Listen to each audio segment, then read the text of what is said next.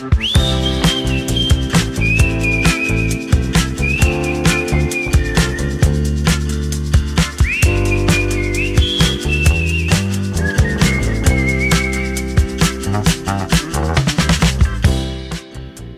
hola.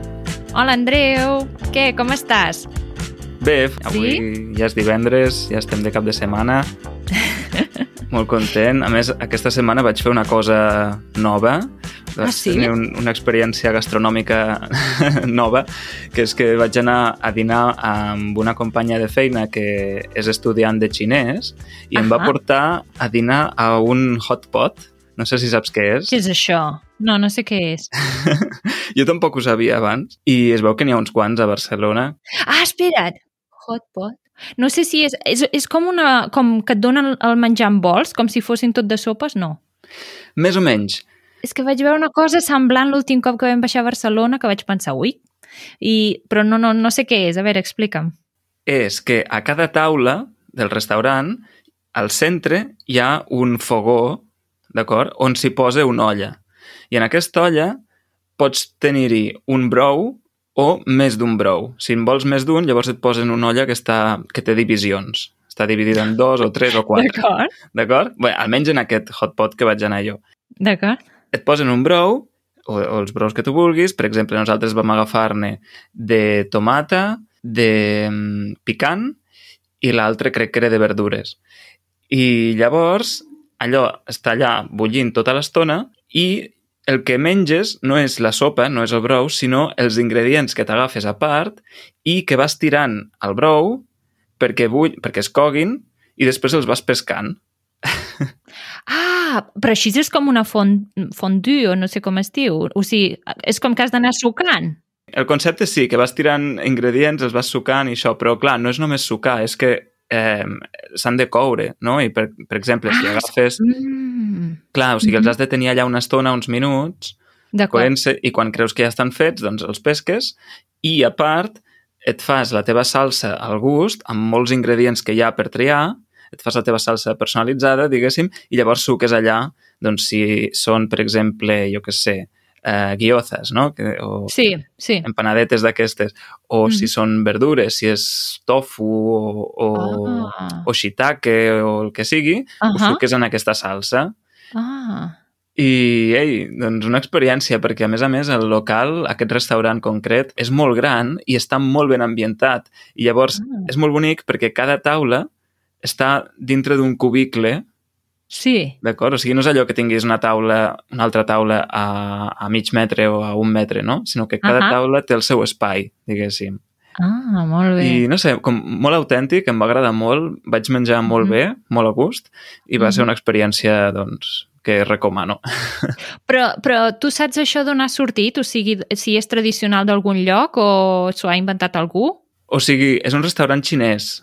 Ah, xinès. Ah, perdona, no, Sí. no, no, no, ho Clar, no ho havia dit, però és, Ah, no ho havies dit, d'acord. no ho havia dit. És, Ah, però és, és xinès, és xinès. I, de fet, Ah. una bona referència, diguéssim, com a restaurant xinès és que en entrar-hi pràcticament tota la gent que hi havia eren xinesos. O sigui, Ahà. els que, els que hi estaven menjant, no? Ah, per tant, és una cosa molt tradicional, llavors. Llavors Mhm. això... Ah, d'acord, d'acord. No ho sabia. Doncs no, no, no ho havia sentit mai, eh? Vull dir, és el primer cop que ho sento. Molt bé, Mira. molt bé. I escolta'm una pregunta, perquè eh, totes les coses que has dit que s'hi podien tirar eren com així com més veganes, no? com més vegetarianes. També hi havia carn i peix o, o només és eh, vegà i sí, no, vegetarià? hi ha de tot. Hi ha carn, peix, verdures, per a tots els gustos. I, de fet, Mhm. la carta d'ingredients és enorme i jo em Mhm. vaig deixar portar, saps? Com que aquesta amiga meva ja és, és client VIP del restaurant, ja la coneixen. I, i, porta, I porta tothom, no? Sempre que ha de quedar amb algú, diu, Sí. mira allà. Sí, li vaig dir, tu tria, i jo, a mi m'agrada tot, excepte el que, tot el que són vísceres, òrgans i això. Uh La resta m'agrada tot. I bé, hi vam anar perquè, a més a més, és, és al costat de la feina, al costat de l'oficina, Ah, molt bé. i vam dir, va, som-hi. Molt bé, genial, no? Sí, em va agradar molt, t'ho recomano. Bé, no Molt sé si bé. t'agrada gaire el menjar asiàtic, però Però jo crec que, és, que, que, que igualment, o sigui, tampoc no és que sigui molt, molt asiàtic, vull dir, no, és, no són plats, com si diguéssim, típics, eh, que són coses completament diferents, sinó que els, els ingredients que m'has dit, vull dir, no... Mm, Sí, pot ser, pot ser que estigui bé, no? Podem provar un dia. Ja us hi portaré a tu i al Joan. Molt bé, fantàstic. I tu què? Alguna novetat últimament? Doncs sí, no sé si ho saps, Andreu, però per Pasqua es canten caramelles. Sí. Bé, potser caldria explicar què és això, perquè jo ho vaig descobrir no fa gaires anys. Ah, de veritat? Jo no sabia que eren les caramelles fins... Bé, ara fa uns anys, eh? Però, però no ho sabia i vaig conèixer una noia de Súria Ah, clar, clar, Súria, les caramelles més antigues de Catalunya. Clar, feia, ell- ella feia caramelles, llavors m'ho m'ho va explicar, no? Clar, clar. Ah, doncs això potser, eh, pot ser que només sigui típic d'aquí la Catalunya central o no? Potser Pot només ser. ho fem aquí. Jo crec que sí. Ah, ah doncs Mm. no ho sabia, això.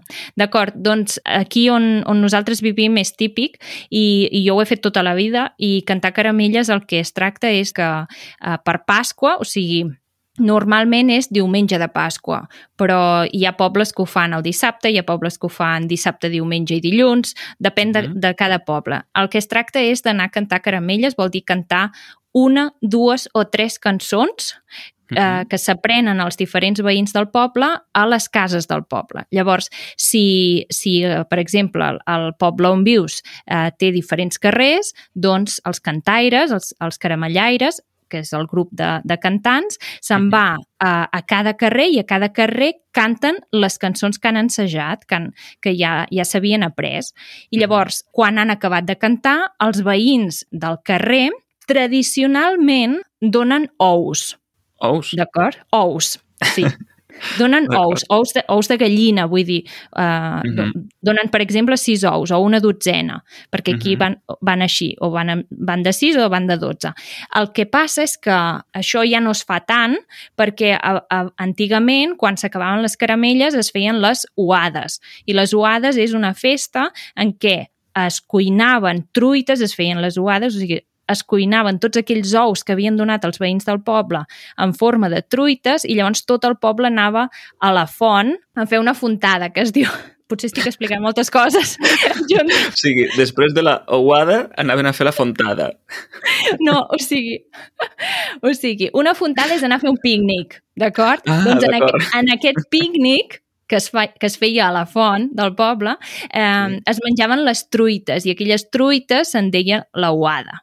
És la festa, Mhm. d'acord? El que passa és que això es va anar perdent, cada cop la gent donava menys ous perquè la gent també a les cases doncs, no tenien gallines o... En fi, Mm. la tradició va canviant, no? I llavors va evolucionar cap al fet de donar diners. Llavors, quan s'acaben les cançons, els veïns donen diners, cadascú don eh, la suma de diners que ell creu mm, necessària, perquè després de les caramelles s'organitza alguna cosa, alguna activitat. Per exemple, un viatge a Port Aventura. Llavors, si tu has Mm. pagat, si tu has donat diners, doncs tens o bé un descompte o bé el viatge gratuït. Depèn dels diners que s'hagin recollit durant totes les caramelles. O viatges i excursions i activitats a d'altres coses. He posat mm. Port Aventura com podia ser un altre lloc. I llavors, eh, només volia explicar que, que per Pasqua cantem caramelles i és, és una cosa molt, molt alegre i molt festiva que et fa trobar amb tot el poble i, i, i crec que és molt divertit. Ah, carai. I això ho feu a Berga? Sí, es fa, es fa a gairebé cada poble del Berguedà. Ah. Mira, doncs no ho sabia, això dels ous i la fontada. Doncs veus, avui hem après alguna cosa. Doncs sí, sí, sí. sí. Hi, ha, hi ha una expressió, no sé si la coneixes, Andreu, que diu no te n'aniràs a dormir mai sense Mm. haver pres alguna cosa nova, no? El meu pare sempre la versiona i diu no te n'aniràs a dormir mai sense treure les, les espardenyes. Molt per bé. tant, avui hem après alguna cosa. Déu-n'hi-do, déu nhi déu Doncs bé, una altra cosa que volem destacar avui és que ens ha contactat una persona de Cuba, es diu Clàudia, i ens va enviar dos missatges que són aquests. Hola, com esteu? Jo sóc la Clau de Cuba i aquest any que ha passat he après una mica del català. Jo estic supercontenta perquè a mi m'encanta aquesta llengua i m'encanta saber més de, de la gent catalanoparlant, de les diferències dialectals, de la cultura i he de dir que estic supercontenta amb, amb la vostra feina, amb Easy Catalan Oh. i els episodis del podcast. Moltes gràcies per aquesta feina que feu, per persones com jo que estem aprenent el català i que vivim superlluny de Catalunya i és una possibilitat i una oportunitat extraordinària. Moltes gràcies. Al meu cas, al principi el català no em va agradar gens.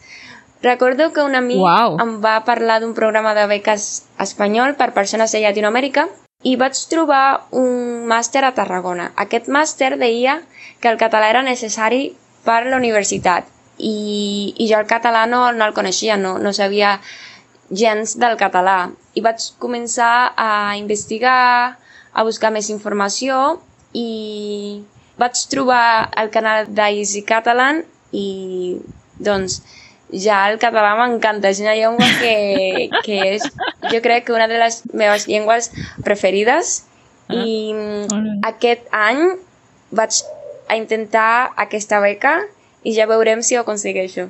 Ai, tant de bo, tant de bo, doncs. I tant. Molt bé, no? déu nhi quin nivell de català. Sí, sí, i fa mesos que l'aprèn. Que curiós. Sí, sí. Doncs tu això, Sílvia, ja ho saps, però els, els nostres estimats oients encara no, que és que vam intentar contactar, vam contactar amb la Clàudia, li vam demanar de venir al podcast, d'entrevistar-la, i eh, diversos impediments tècnics van fer-ho impossible, entre altres les restriccions que hi ha a internet a Cuba, Uh -huh. um, que no ens van permetre doncs, utilitzar la nostra plataforma habitual i després la connexió tampoc ho va permetre. I per això vam decidir de fer l'entrevista en diferit i ho vam fer a través de, de missatges de veu.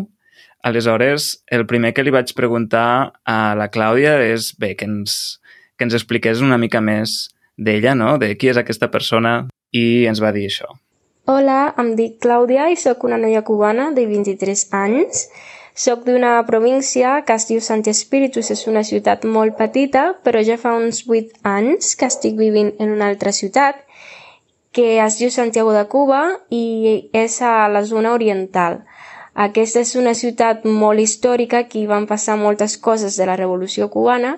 També mm, és una ciutat molt cultural, hi ha molta alegria, molta música pels carrers i a la gent li agrada moltíssim conversar, la gent és molt més oberta i a més és una de les ciutats més conegudes i visitades del país. Mira, Ah. així ja ho sabem per quan anem a Cuba. Per quan hi anem, exacte. em sap greu, però no conec gaires coses sobre Cuba, així que és, és molt interessant que ens hagi explicat això. Exacte. I ens va dir això també. Bé, jo treballo com a professora d'anglès en una escola secundària.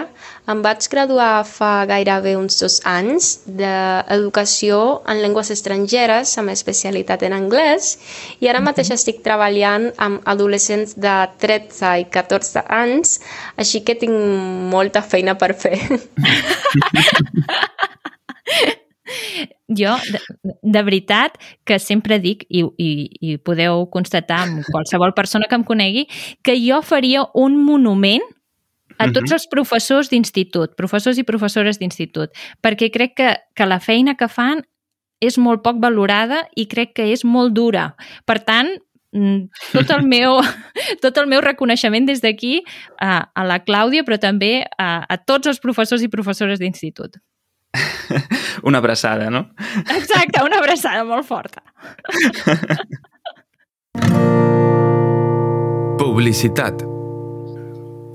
Si voleu donar un impuls al vostre català i parlar-lo amb tanta fluidesa com la Clàudia, us recomanem que doneu una ullada a la plataforma d'italki.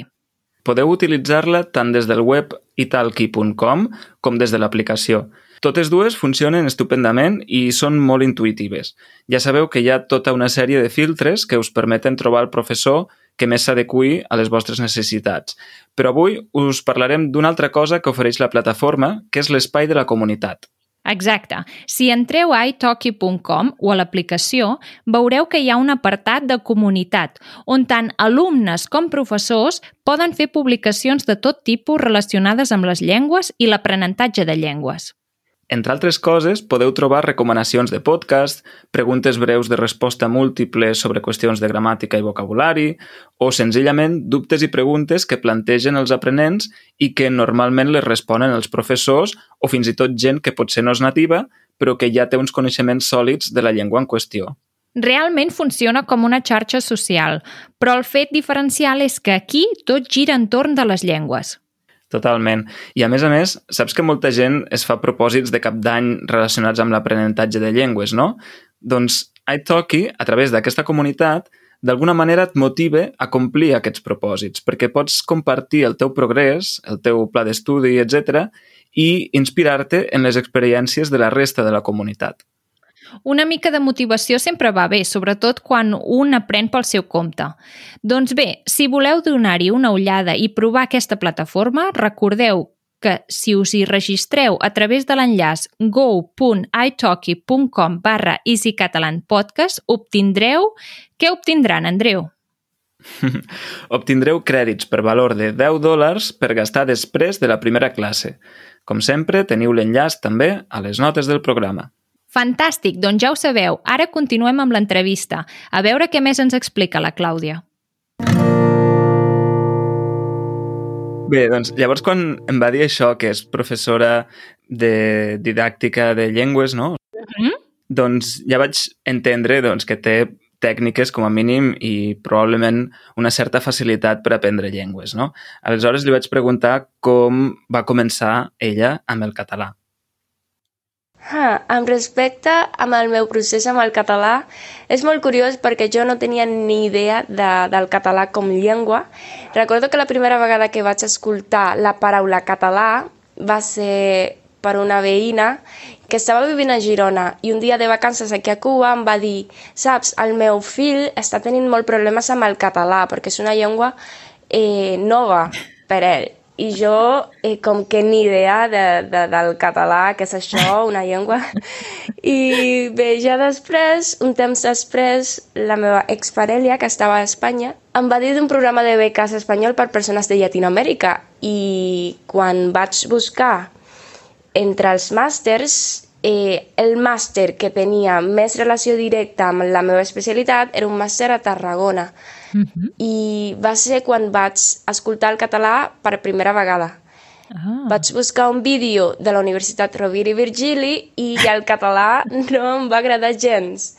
Ja la segona vegada va ser un vídeo d'Easy Catalan i tampoc m'agradava. Oh. Eh, recordo que, que sortia la Sílvia parlant oh. en català i jo pensava que era una llengua super complicada i que no, no tenia possibilitats d'aprendre-la. I això va ser molt curiós perquè ara mateix estic parlant en català. Oi, per favor. Quina decepció, eh? Quina decepció, perquè la primera vegada ja sabia que no li havia agradat, però la segona tampoc... No, no m'esperava que digués no, tampoc. tampoc. Bé, però a vegades les històries que comencen així després tenen, el, tenen un final doncs, molt, molt bo, no? Hagués sigut molt bo que hagués dit i, el, i la tercera vegada que va ser un vídeo que hi sortia l'Andreu, llavors sí, llavors sí. no, no en tinc ni idea. Li vas preguntar o no? No? No, no li vaig preguntar. Ah, d'acord, d'acord. Però crec que ens explicarà alguna cosa més sobre això. D'acord. Ja després, amb molt més calma, vaig pensar i vaig dir home, que en realitat no és tan impossible, que puc fer-ho, vinga, aprendre el català. I com no sabia què fer, vaig començar fent servir el Duolingo i també mirava els vídeos d'Easy Catalan. Una altra cosa que em va ajudar moltíssim va ser parlar amb gent dels països catalanoparlants en general. I no puc deixar de mencionar aquí aquestes persones meravelloses que m'han ajudat un món en aquest procés i que són l'Òscar, l'Albert, els Jordis i el Martí de Barcelona, John Jordi de Tarragona, Àlex de Girona, Donxo, que és un noi de Bulgària però que parla valencià, i la Paula, que és una noia increïble del País Valencià. Moltes gràcies a aquestes persones que han estat en contacte amb mi, que m'han ajudat wow. eh, a aprendre i a practicar molt més aquesta llengua que m'encanta. Per favor, però és que... Wow, no? Ja, és que tenim una riquesa de voluntaris mm. i voluntàries al llarg dels, dels diferents territoris de parla catalana, amb els voluntariats que hi ha, amb les parelles lingüístiques. Buf, és que és, és una joia, eh, això? És impressionant. Sí, sí, és una sí. joia. Uau, sí, sí. molt I es bé. nota eh, que ha practicat. Sí, sí. Es nota, es nota aquesta fluidesa que té, no? Sí, eh... exacte. Sí. sí, sí. Uau, molt bé. Molt bé, me n'alegro moltíssim que hagi sigut d'aquesta manera. Vaig aprofitar també per preguntar-li una mica més sobre el màster, no? Quins plans té amb el màster, com està la, la cosa, no? Perquè, clar, uh -huh. si l'accepten i tal, la tindrem aquí a Catalunya ah, d'aquí poc mira. temps. Eh, ens va dir això. I bé, en relació al màster ja aplicat, estic esperant els resultats. He posat en primera posició una beca a Catalunya, doncs ja veurem què passa, tant de bo que tingui l'oportunitat de viure i aprendre molt més d'aquesta llengua. Ai, doncs creuem els dits per tu, eh? A veure, a veure Sí. si passa, a veure si, si t'agafen. Tant de bo. I, i aleshores, doncs, eh, bé, ens ha dit que va fer servir algunes aplicacions, no? Però li vaig voler demanar més informació de com ho va fer per conèixer catalans, no? Des de Cuba. O sigui, com, com ho va fer per, no només per conèixer, sinó per fer amics. Uh -huh. Mm, Bé, sí, sí, fa uns nou mesos, més o menys, que vaig començar a aprendre el català amb molta més responsabilitat i serietat. I aquestes persones els vaig conèixer a Tandem i HelloTalk, que és una altra plataforma per practicar idiomes, i pràcticament el que vaig Ah. fer va ser posar els filtres per trobar persones de Catalunya, del País Valencià, d'Andorra, i així vaig trobar aquestes persones, aquests amics virtuals, i, i ja estem parlant, per exemple, amb, en altres plataformes com WhatsApp, perquè volia uh, quedar-me amb el seu contacte. Ah, molt bé. Mm. Veus? Molt bé. No, la veritat és que hi ha molta gent que ho fa a través de Tandem, vull dir, de, de la pàgina web. Eh? lingüístic. Ah, Exacte, sí. Sí, de Tandem, i la veritat és que surten moltes parelles. Mm. Però també és molt bonic que, a part de fer la, la de parella lingüística, o sigui, el tàndem aquest que van fer, que a més a més mantinguessin el contacte, perquè moltes vegades fas tàndem amb gent, us porteu genial, però per coses de la vida eh, la, el contacte no es manté i llavors s'acaba perdent. Per tant, molt bé, no? Clar, sí, sí. Jo crec que ha tingut molta sort i, bé, segur que més que sort és esforç, no? Perquè Mm. uh, és, Sí. és l'esforç i la iniciativa, que, és, que té molt de mèrit, però uh, no sempre és fàcil trobar una persona amb qui fer intercanvi i, que, i mantindre aquesta relació, no? I, i No. fer créixer aquesta relació i que derivi en una amistat. Sí. Per sí, tant, i tant. Mhm. felicitats, felicitats, Clàudia. A continuació li vaig preguntar què voldria fer eh, quan vingui aquí, sigui pel màster o sigui per un viatge d'oci, què vol fer quan vingui als territoris de parla catalana? Uf, si tinguessi l'oportunitat de visitar Catalunya o, per exemple, el País Valencià, una de les coses que m'encantaria fer a, a Catalunya seria veure més com és el Sant Jordi, perquè és que a mi m'encanten mira. els llibres i jo crec que és una tradició molt bonica i molt interessant. I, per exemple, ja al País Valencià, això del massapà i d'aquesta celebració a mi em sembla genial. És com molt, Ah. molt diferent de, de la meva cultura. Sí. I, per exemple, parlant del, del menjar, també m'agradaria eh, saber més de, de, dels calçots i, i del pa amb tomàquet, que sí que és molt més senzill, però que són coses molt, molt curioses per a mi.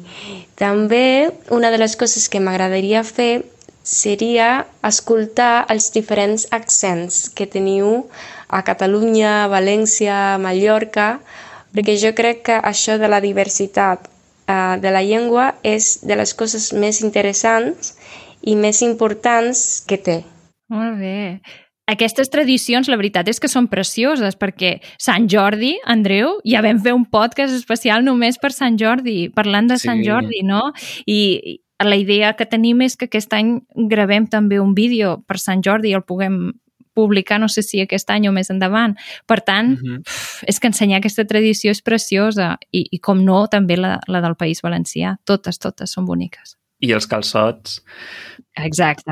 la festa gastronòmica catalana per excel·lència, penso, no? Els calçots. Sí, sí, exacte. dir, és una oportunitat per embrutar-se i posar-se les botes, estar en família, estar amb amics a l'exterior, fer una barbacoa...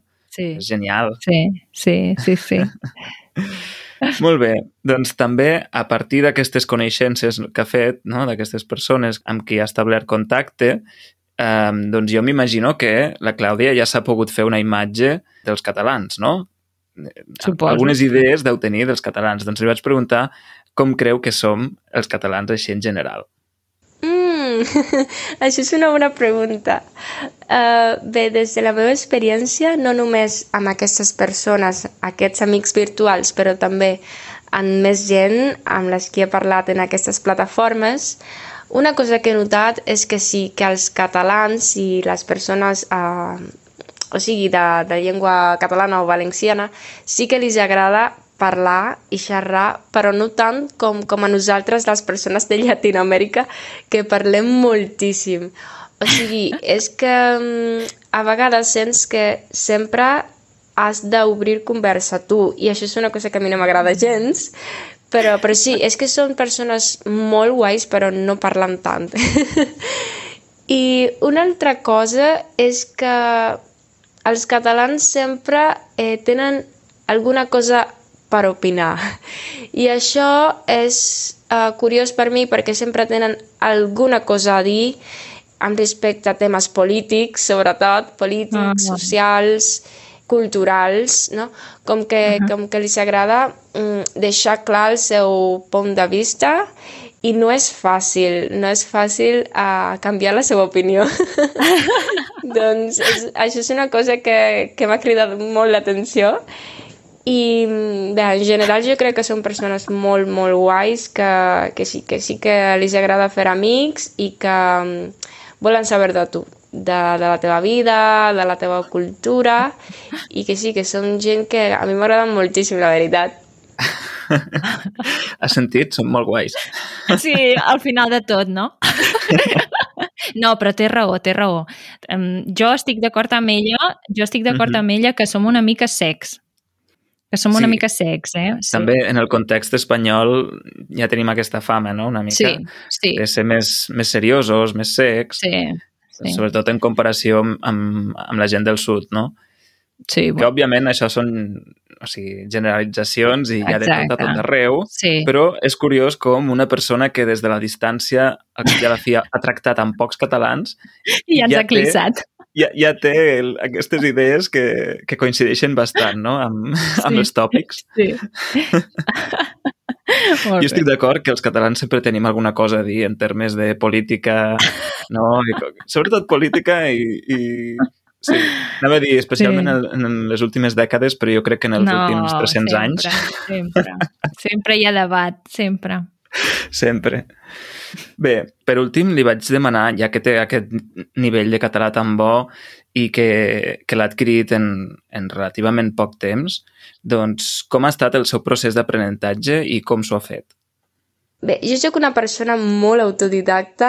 A mi m'encanten les llengües estrangeres en general i sóc una persona que sempre estudia sola. No m'agraden, no m'agrada tenir normalment professors perquè no m'agraden els mètodes tradicionals, no m'agraden les classes a les escoles, doncs m'agrada molt més estudiar sola. Eh, no sóc una persona d'estudiar gramàtica mai, i no sé, m'agrada molt més aprendre escoltant a la gent o potser també llegir, eh, mirant vídeos, coses així, no? Uh mhm. -huh. Sí que m'agrada practicar la pronúncia, per això el que faig és escoltar moltíssim, no? Jo crec que és la, la raó principal per la que puc parlar un, una miqueta millor, no?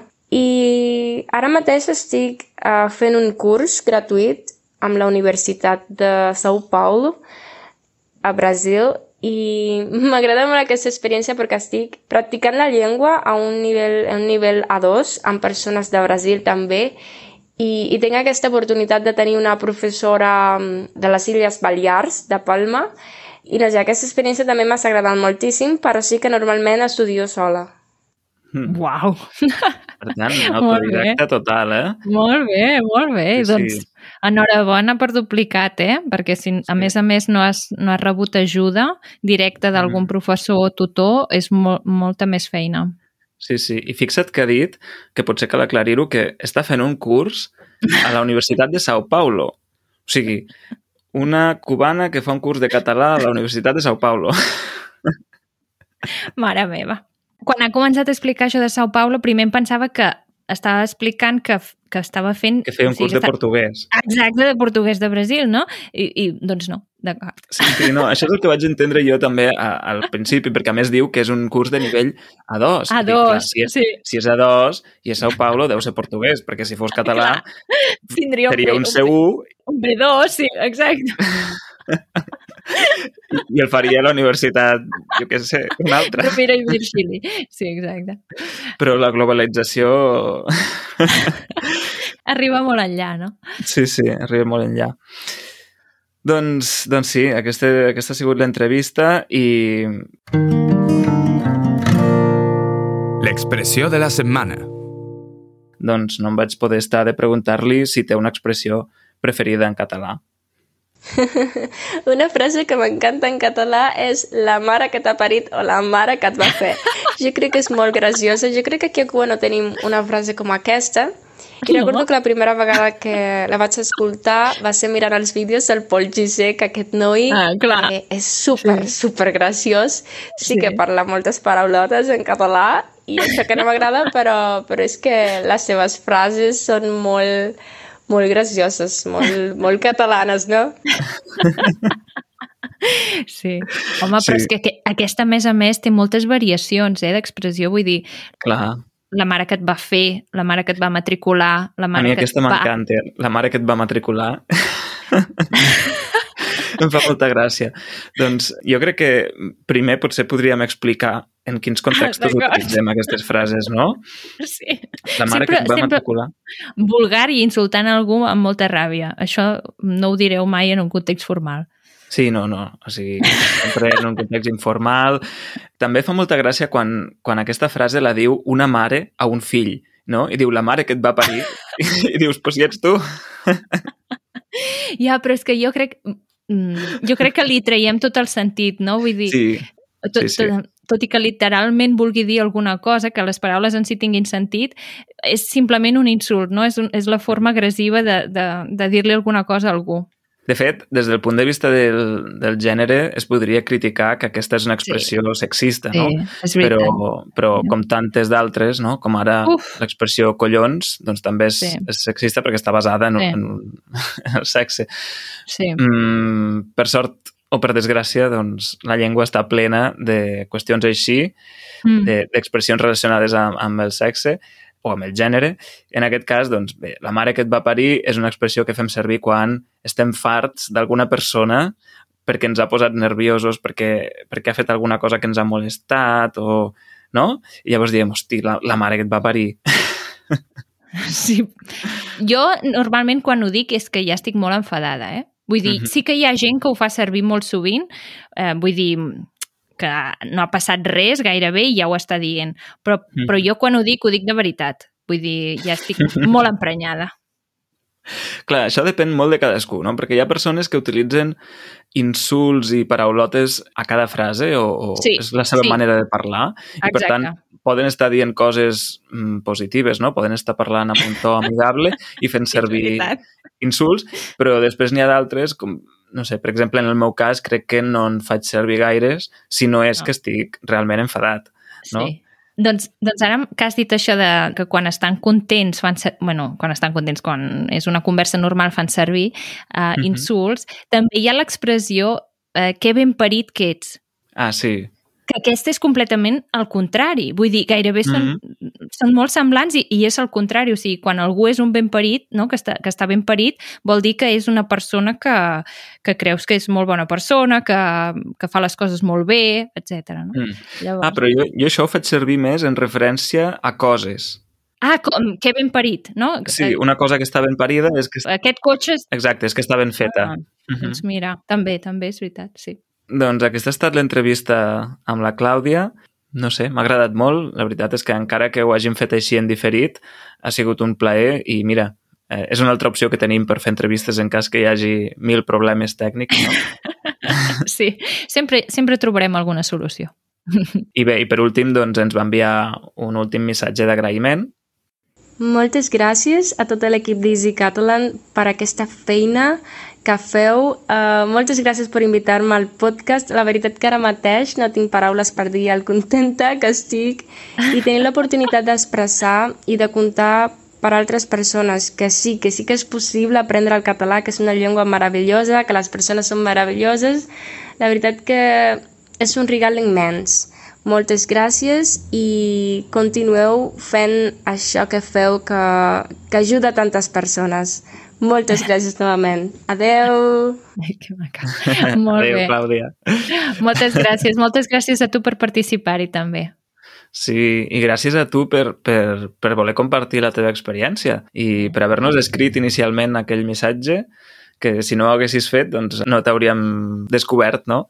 Exacte. Per tant, moltes gràcies.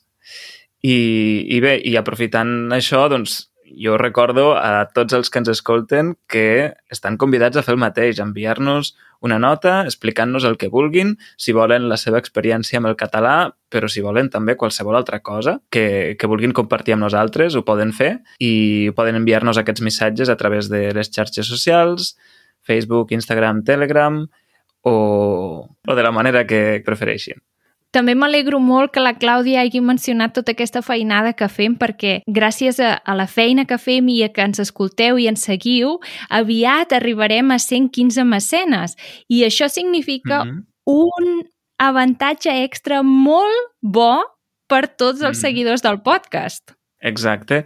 Es tracta ni més ni menys que una ajuda de vocabulari que estarà incorporada en les aplicacions, allà on reproduïu vosaltres el podcast, veureu les paraules més importants de cada minut amb la seva traducció a l'anglès, de manera que no caldrà que obriu el diccionari quan sentiu una paraula i no l'entengueu perquè ja us la posarem nosaltres allà i estarà posada durant tot el minut. Aquest és un avantatge que ens tenim moltes ganes d'incorporar i que, com ha dit la Sílvia, serà possible quan hàgim arribat als 115 eh, membres de la comunitat.